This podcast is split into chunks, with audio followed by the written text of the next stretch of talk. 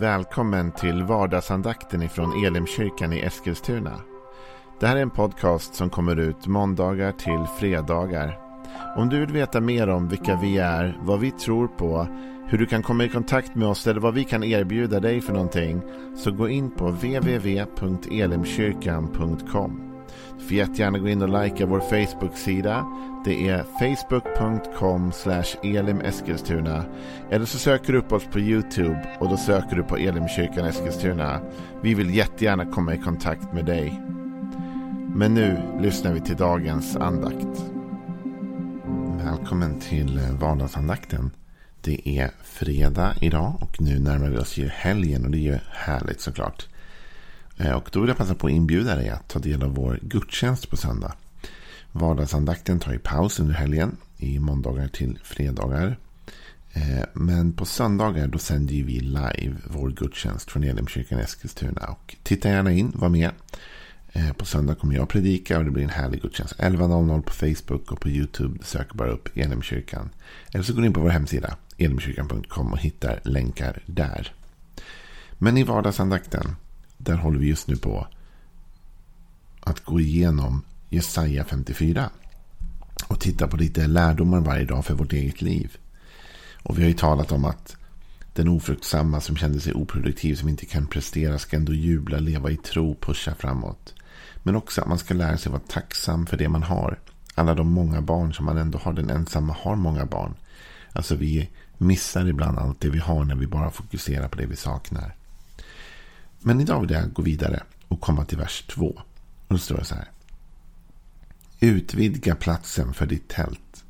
Spänn ut tältdukarna där du bor och håll inte tillbaka. Gör dina tältlinor långa och dina pluggar starka. Den här versen ska vi ägna två dagar åt. För det finns ett par viktiga vinklingar här.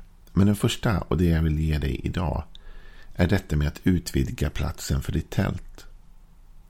Det här handlar om tro. Vi läser i första versen att vi ska tro. Vi ska leva i tron och hoppet. Vi ska pusha framåt. Vi ska jubla trots att vi inte just nu producerar. Så ska vi jubla därför vi kommer få föda. Och då kommer vi till nästa punkt. Om vi verkligen tror det. Då borde vi ju göra plats och förbereda för det.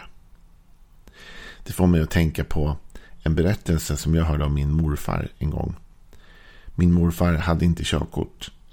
Men så fick han en uppenbarelse från Gud kan man säga. Han fick ett, en syn där han såg att någon gav honom en bil. Och han hade ju inte körkort än. Så då var, vad han gjorde var att han började förbereda. Han började faktiskt ta körkort trots att han inte hade en bil. För han visste att han skulle få en bil. För det hade han sett i en vision på något sätt. Och sen då när han hade fått körkortet så var det faktiskt så att någon kom och gav honom en bil. Vad handlar det om? Det handlar om att göra tro. Inte bara ha tro, utan göra tro. Att agera som att jag faktiskt verkligen tror på det jag tror på. Någon har sagt att det är det bästa sättet att veta vad vi egentligen tror. Det är att se på hur vi lever. Alltså när tron får uttryck. Med andra ord så talar Jesaja till en ofruktsam kvinna, det är ju den bild han målar upp. Egentligen talar han ju till ett folk, han talar till Israel. Men bilden de använder är den ofruktsamma kvinnan som inte kan producera eller skapa eller föda liv. Men till henne säger han, du ska jubla. Och så säger han, utvidga platsen för ditt tält. För det handlar om att ändå, du ska få fler barn. Det kommer lite senare här. Du ska inte skämmas. Och om du nu tror att du verkligen kommer få barn, trots att du är oproduktiv, ofruktsam, inte kan föda. Då måste du göra plats för det i ditt liv. Och det kommer nästan alltid till det i ditt och mitt liv. Att Gud ger oss en vision på insidan. Och nästan alltid när vi får den visionen så känner vi oss ofruktsamma. Därför Gud ger oss alltid drömmar och visioner som är större än oss själva. För att vi ska vara beroende av honom. Men det gör ju också att när vi får dem så känner vi oj, jag, jag klarar ju inte av den uppgift du har gett mig Gud. Den är för stor för mig. Och i den, på den platsen när vi känner det, då kan vi ibland känna oss små. Då kan vi känna oss ofruktsamma. Men där utmanar Gud oss att utvidga platsen för vårt tält. Att faktiskt börja leva och agera som att det han har sagt kommer att ske. Och det är en väldig grej att utvidga platsen för tältet innan miraklet har skett. Och ändå är det precis det som tron gör. Det är som att man skulle säga till dem, bygg ut ditt hus. Ja, men vi behöver inte större. Ja, men vi tror att ni kommer få många barn. Gud har visat oss. Bygg ut huset i förväg. Oj, oj, oj. Vilken troshandling. Eller hur?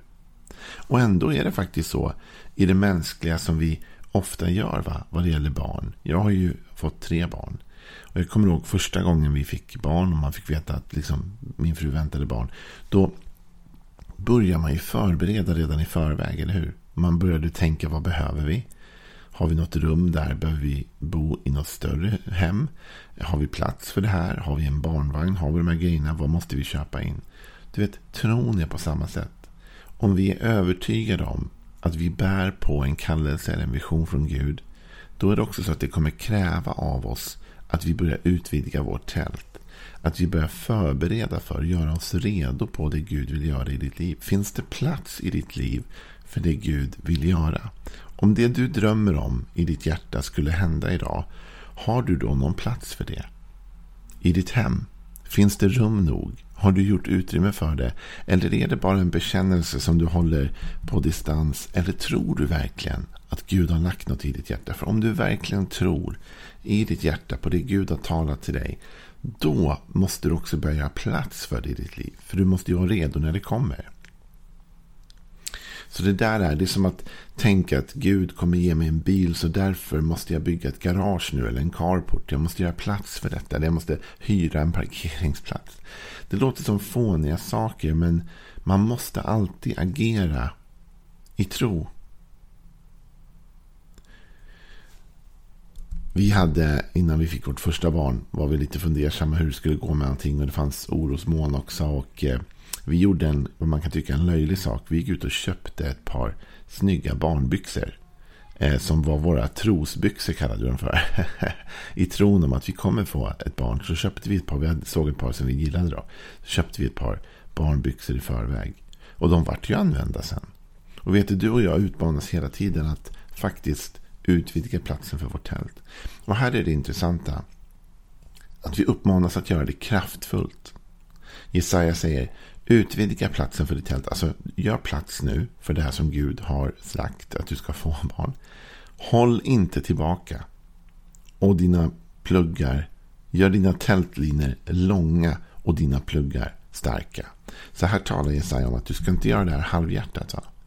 Utan du ska verkligen ge dig hän åt att i tro förbereda för det Gud vill göra i ditt liv.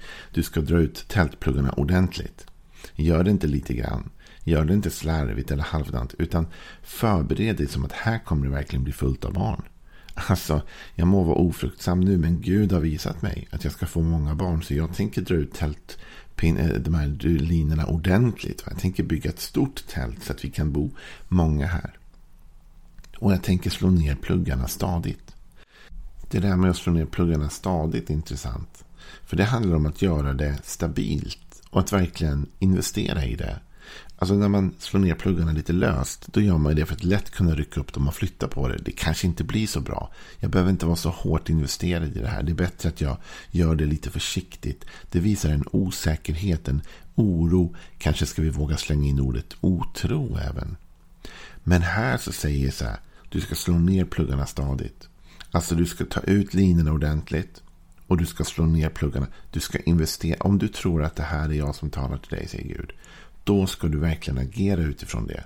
Då ska du göra plats för den visionen. Och du ska slå ner pluggarna stadigt. Du ska visa att du är committed. Att du inte tänker flytta på dig. Att du står i tro. Ibland så använder vi det uttrycket stå i tro. Men det innebär ju att, att vet, vi gör ordning det där och vi sätter oss och vi väntar. Vi säger Gud. För det är det vi kan göra sen. Va? När vi har gjort allt det där. Vi har lyssnat till Gud. Och vi har utökat vår tältplats. Vi har dragit ut linorna ordentligt. Vi har slagit ner pluggarna. Vi har förberett. Då kan vi säga till Gud. Gud. Nu är jag redo att ta emot det du har sagt att du ska ge mig. Så nu sitter jag i tro och väntar på detta. En dag kommer det vara fullt med barn här. En dag kommer den här visionen vara verklighet. Och nu tänker jag göra mig redo bara för att ta emot. Och så får vi vänta tills Gud fyller vårt hem med det goda han har lovat. Men vi måste göra plats. Det är vår ändå troshandling att se till att om Gud ger dig idag det du drömmer om, att du har plats att ta emot det. Och det är det som är frågan till dig idag egentligen. Om Gud skulle ge dig din dröm idag, det du drömmer om, det du längtar efter. Är du redo? Har du plats att ta emot det? Är du redo att göra det? Har du möjlighet att kliva in i det? Eller är du, har du inte tänkt egentligen att det här kan bli en verklighet? Men om du har tänkt att det kan bli en verklighet, då måste du också börja förbereda i tro, göra i ordning platsen och se till att du är redo när detta väl händer.